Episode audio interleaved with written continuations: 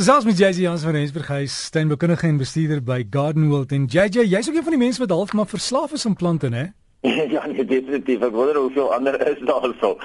Ja, nee, dit is 'n verslawing wat 'n mens maar aan kan wees, so. Ja, dis dis nie 'n probleem nie, JJ, maar die groot probleem is om water te kry om daai plantjies aan die gang te hou. Ons het nou lekker reën gehad in die binneland, maar wat doen ons hierdie tyd van die jaar in die tuin? Weet jy, dit is nogal heel interessant dat ons nou hierdie week was daar so 'n watervergadering gewees hier in die omgewing en dit het eintlik gepraat van al sou dit elke dag gereën het vir die volgende 6 6 maande of so, gaan ons nog steeds 'n watertekort hê. Die land is maar net water skaars. Jy weet, so ons moet maar onthou, selfs al reën dit, moet ons nog steeds water spaar.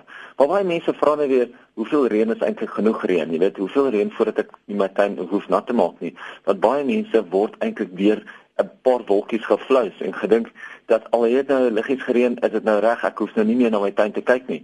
Maar maak doodseker dat die vele reën was eintlik genoeg geweest om jou tuin nat te maak. Nou oor die algemeen moet mense maar kyk na omtrent so 5 mil soos 'n ligte benatting, so as dit 5 mil buite gereën het, dan weet jy dat jou tuin liggies maar goed benat is en as dit natuurlik 10 mil of meer is, dan weet jy dat jou tuin 'n baie goeie deurdrenking gehad van reën.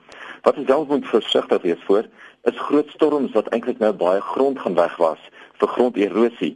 So ons moet seker maak dat as daar so erns plekke is waar die water val uit geete uit of van dakke af waar daar geweldig baie water bymekaar kom, kan dit baie maklik al jou boergrond uit jou tuin uitwas. Jy weet so veral as jy in 'n nuwe tuin bly of in 'n tuin bly wat baie ongespit omgespit word, omgewerk word of as jy in 'n tuin bly waar daar net baie water deur die tuin self loop. Maak maar seker dat al jou boergrond nie weg was nie. En ja, kyk maar uit hoeveel dit reën, sit maar vir jou reënmetertjie daar buite, dan weet jy ook wat het jou tuin gekry. Dat deur die aand as dit sou reën, dan kan jy die volgende nag kyk en jy kan sien, maar wel my tuin is nat genoeg. Ek het nie nodig om nog ekstra nat te gooi nie. Heel interessant is wat mense deesdae baie van vergeet is om plante by hulle groenteplante te plant as gasheerplante vir insekte en vir fungusse. 'n Mens kry dit baie keer dat jou insekte of jou fungusse al jou groentes aanval, maar as 'n mens ietsie by jou groente sou plant as 'n gasheerplant vir die insek, dan sal die insek eers daai plant aanval voordat hy jou groente aanval. Soos byvoorbeeld, ek weet in die wingerde in die wingerde en die druiwewingerde gebruik hulle baie keer rose baie naby aan hulle uh, aan hulle aan hulle wingerde om seker te maak van enige fungusse.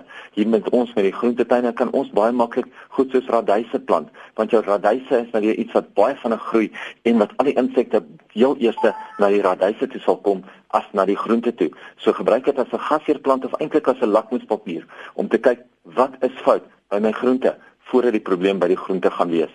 Baie van die plante het ook nou natuurlik baie seer gekry met die halfskade wat ons nou in die laaste ruk gehad het. Ek weet nie of jy gesien het nie, maar daar was geweldig baie mense wat gekla het oor die hoeveelheid hal wat hulle gehad het. En nou wil mense weet, wat moet ons doen? Moet ons ons plante terugsny? Moet ons die blare so los? Wat moet ons doen? Jy kan hom effens terugsny om skoon te sny, maar moenie nou die plante heeltemal wegsny nie. Moenie hulle nou te veel sny.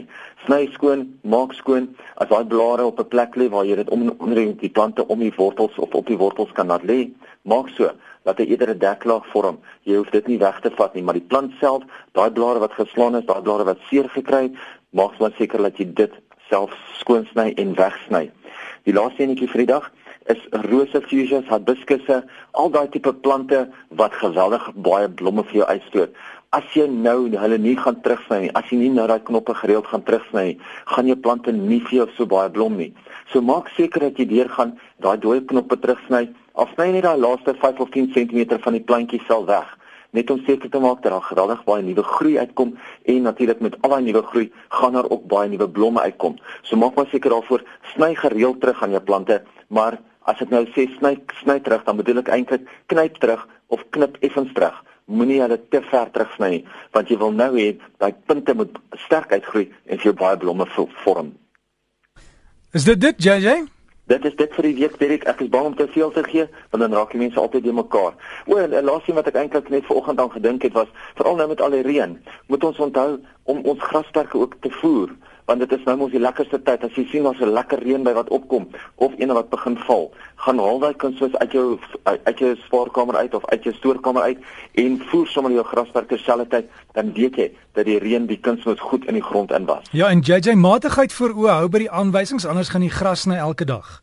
O definitief. En ook anders gaan jou gras baie maklik brand of jy kan mors. So hou maar daai matigheid voor o So gesels JJ Jansen van Rensburg, hulle webtuiste by die kwekery is Garden World .co.za en onthou JJ ges, se gesprek sal ook as 'n potgooi hier by Maandag by rsg.co.za beskikbaar wees.